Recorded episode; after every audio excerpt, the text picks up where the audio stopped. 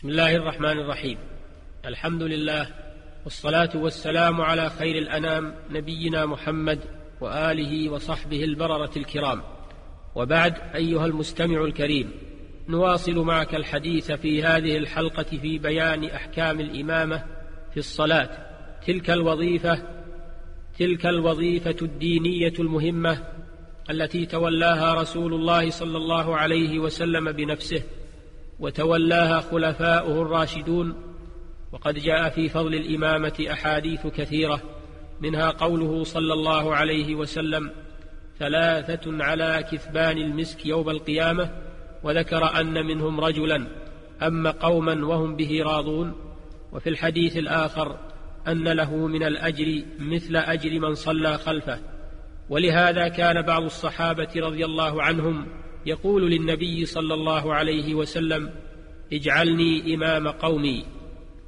لما يعلمون في ذلك من الفضيلة والأجر لكن مع الأسف الشديد نرى في وقتنا هذا كثيرا من طلبة العلم يرغبون عن الإمامة ويزهدون فيها ويتخلون عن القيام بها ايثارا للكسل وعدم رغبة في الخير. وما هذا إلا من تخذيل الشيطان فالواجب عليهم القيام بها بجد ونشاط واحتساب للأجر عند الله فإن طلبة العلم أولى الناس بالقيام بها وبغيرها من الأعمال الصالحة وكلما توافرت مؤهلات الإمامة في شخص كان أولى بالقيام بها ممن هو دونه بل يتعين عليه القيام بها إذا لم يوجد غيره. فالأولى بالإمامة الأجود قراءة لكتاب الله تعالى وهو الذي يجيد قراءة القرآن بأن يعرف مخارج الحروف ولا يلحن فيها ويطبق قواعد القراءة من غير تكلف ولا تنطع ويكون مع ذلك يعرف فقه صلاته وما يلزم فيها كشروطها وأركانها وواجباتها ومبطلاتها. لقوله صلى الله عليه وسلم يؤم القوم أقرأهم لكتاب الله وما ورد بمعناه من الأحاديث الصحيحة مما يدل على أنه يقدم في الإمامة الأجود قراءة للقرآن الكريم الذي يعلم فقه الصلاة لأن الأقرأ في زمن النبي صلى الله عليه وسلم يكون أفقه.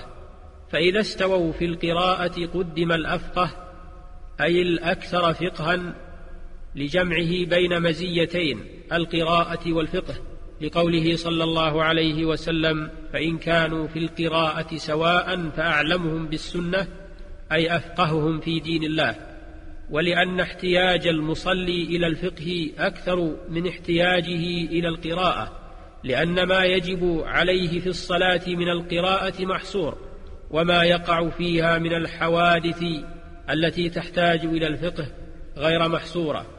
فإذا استووا في القراءة والفقه قدم الأقدم هجرة والهجرة هي الانتقال من بلد الشرك إلى بلد الإسلام.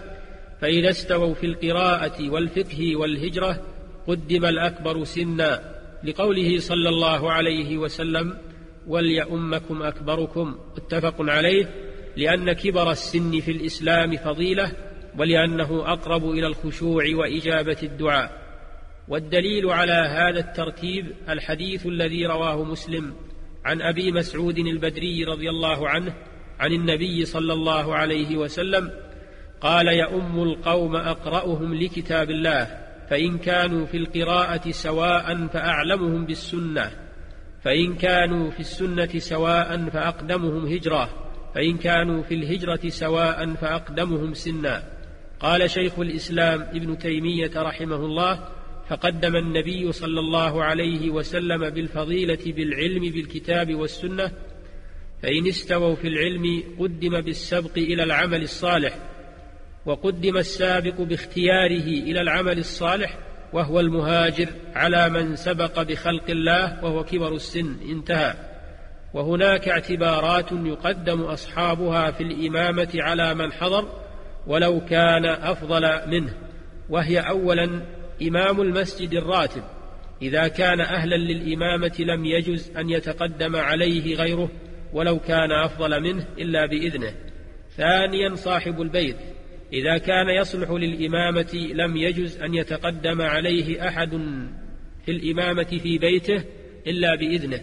ثالثا السلطان وهو الإمام الأعظم أو نائبه فلا يتقدم عليه أحد بالصلاة إلا بإذنه إذا كان يصلح للإمامة. والدليل على تقديم أصحاب هذه الاعتبارات على غيرهم ما رواه أبو داود من قوله صلى الله عليه وسلم لا يؤمن الرجل الرجل في بيته ولا في سلطانه.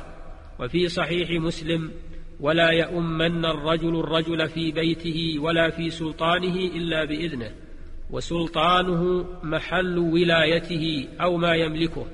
قال الخطابي معناه أن صاحب المنزل أولى بالإمامة في بيته إذا كان من القراءة أو العلم بمحل يمكنه أن يقيم الصلاة.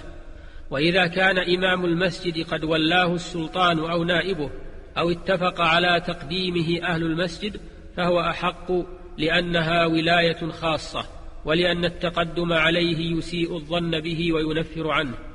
أيها المستمع الكريم مما تقدم يتبين لك شرف الإمامة في الصلاة وفضلها ومكانتها في الإسلام لأن الإمام في الصلاة قدوة والإمامة مرتبة شريفة فهي سبق إلى الخير وعون على الطاعة وملازمة الجماعة. وبهذا وبهذا تعمر المساجد بالطاعة وهي داخلة في عموم قوله تعالى فيما حكاه فيما حكاه من دعاء عباد الرحمن والذين يقولون ربنا هب لنا من أزواجنا وذرياتنا قرة أعين واجعلنا للمتقين إماما فالإمامة في الصلاة فالإمامة فالإمامة في الصلاة من الإمامة في الدين لا سيما إذا كان الإمام يبذل النصح والوعظ والتذكير لمن يحضره في المسجد فإنه بذلك فإنه بذلك يكون من الدعاة إلى الله الذين يجمعون بين صالح القول والعمل ومن أحسن قولا ممن دعا إلى الله وعمل صالحا وقال إنني من المسلمين. فلا يرغب عن القيام بالإمامة إلا محروم ولا حول ولا قوة إلا بالله العلي العظيم. وإلى الحلقة القادمة إن شاء الله لنواصل الحديث عن بقية أحكام الإمامة في الصلاة.